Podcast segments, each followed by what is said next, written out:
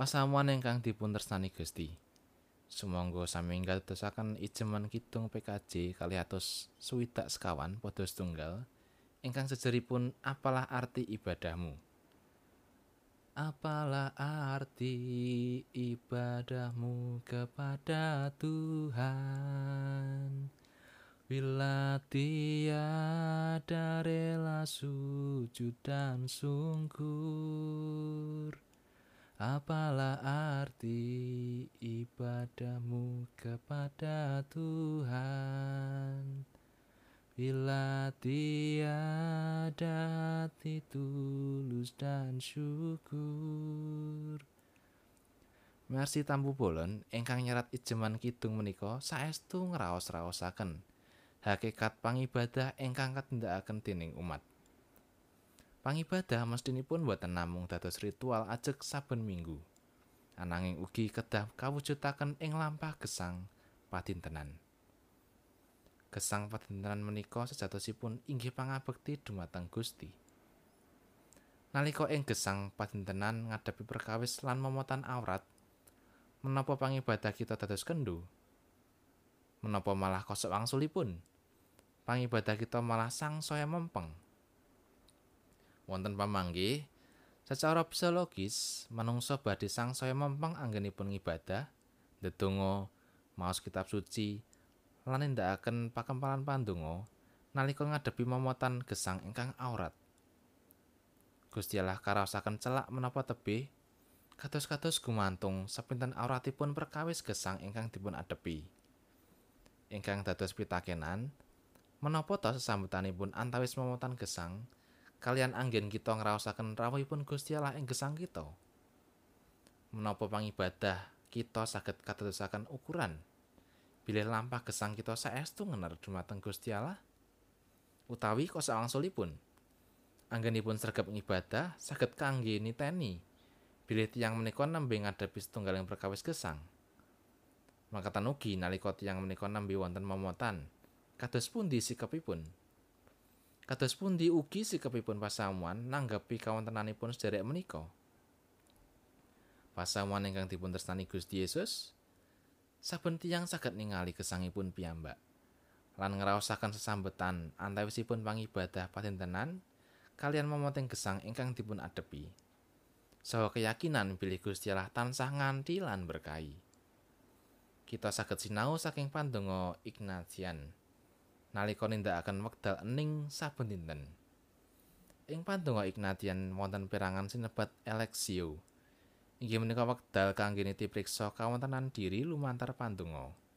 Cekap ngginakaken wekdal gangsal welas menit ing wanci enjing lan gangsal welas menit ing wanci dalu.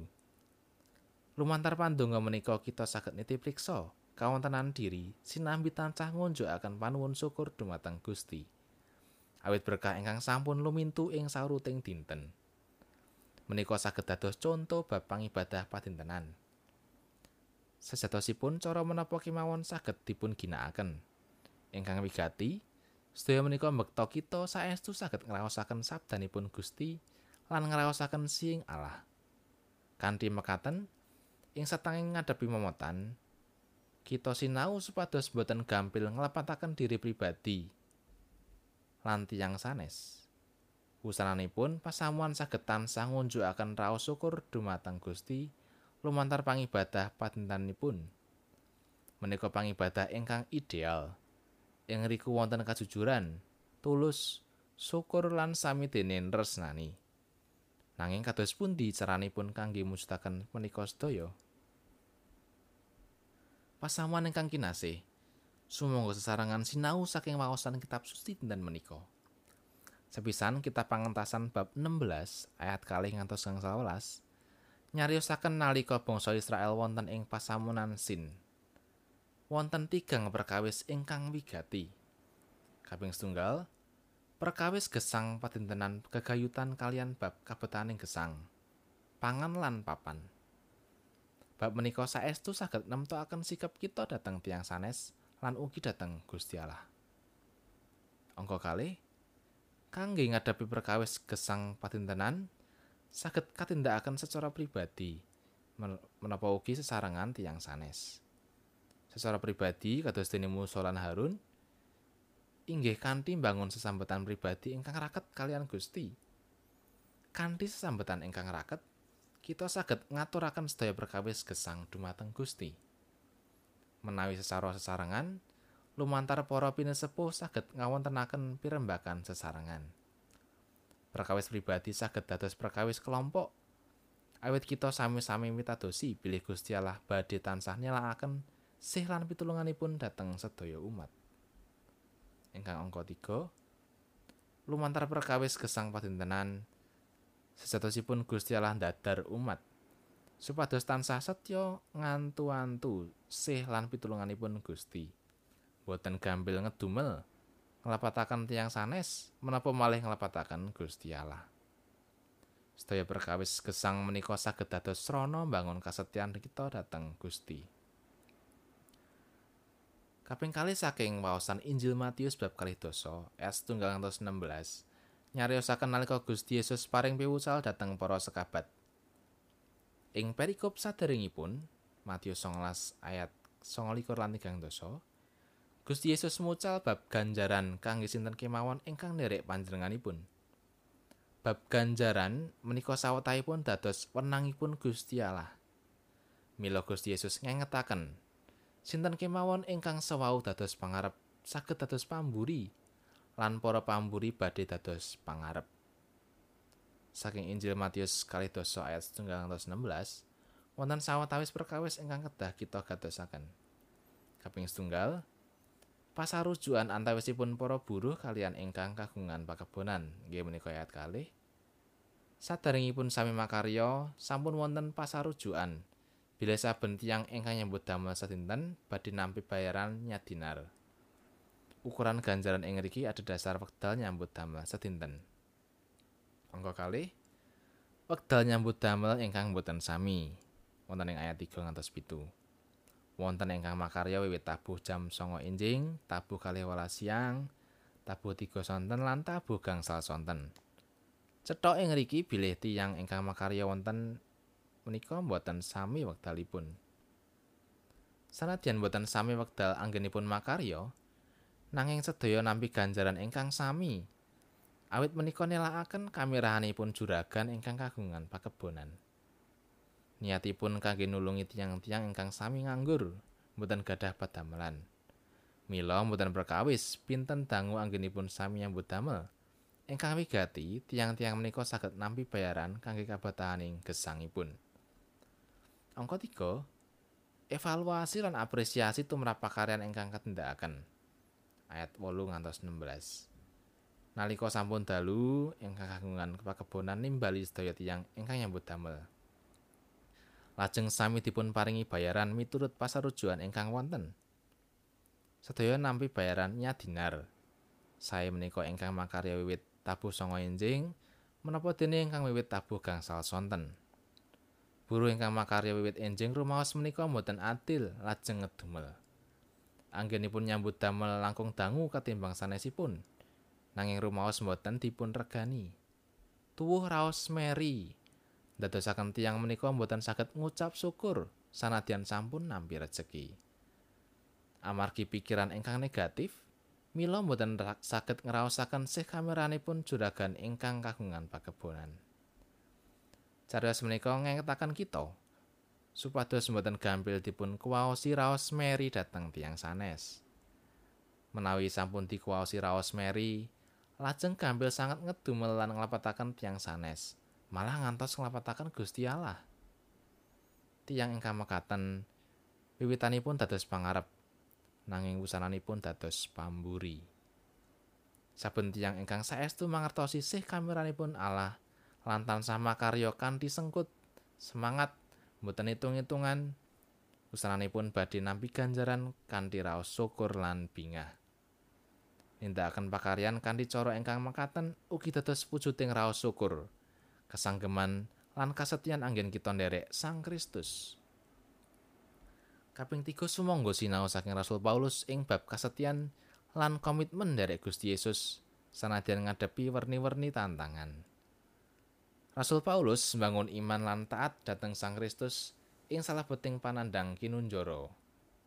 wonten ing Filipi bab setunggal ayat selikur awit munggo aku urip iku Sang Kristus dene mati iku kabegjan menika nelakaken pamasrahipun Rasul Paulus ing ngarsanipun Gusti Yesus. Rasul Paulus nandesaken gesang menapa pejah? Angger nunggil Sang Kristus menika dados kabingan sejati.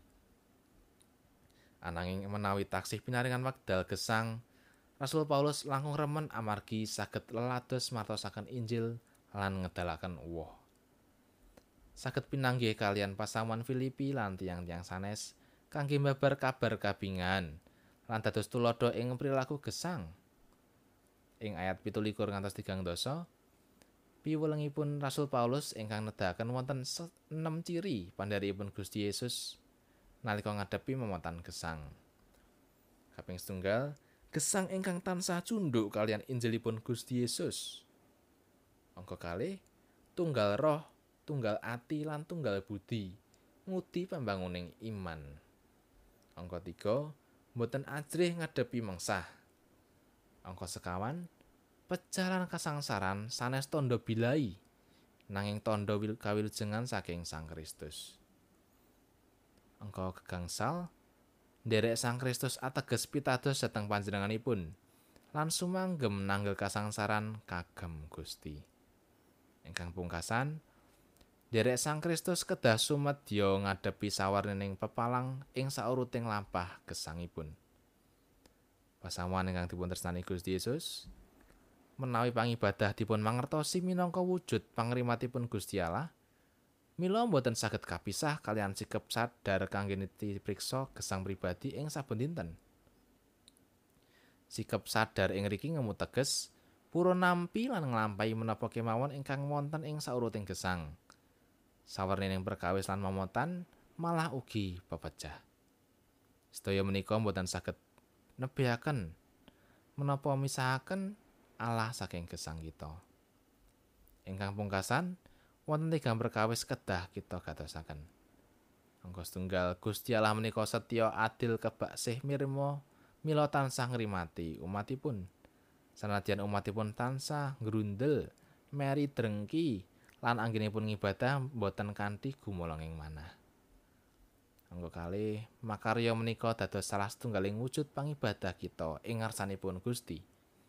Mila kita kedah tansah niti priksa malih sedaya pakaryan ingkang sampun katindakaken. Kanthi mekaten kita saged sinau kangge tansah setya nindakaken pakaryan nyepengi pasarujuan ingkang sampun kadamel. Natapi pranatan padamelan kanthi sae lan tansah njagi sesambetan ingkang sae kalian tiang sanes. Kita kedah tansah mitadosi sih kameranipun Allah ing salebeting pakaryan kita. wonten tigang pratandha bilih tiyang menika sinebat pribadi ingkang saestu mitadosi pangrimatipun Gusti. Inggih menika tansah nindakaken pangibadah patintenan. Boten gampil nglepataken diri pribadi lan tiyang sanes menapa malih Gusti Allah. Mangertosi kersanipun Gusti ing gesangipun lan tansah lumampah cunduk kalian sabdaning Allah. Menawi sedaya menika sampun lumampah, ateges pangibadah kita sampun dados wujud syukur dumateng sekatresnan lan pangrimating Allah. Amin.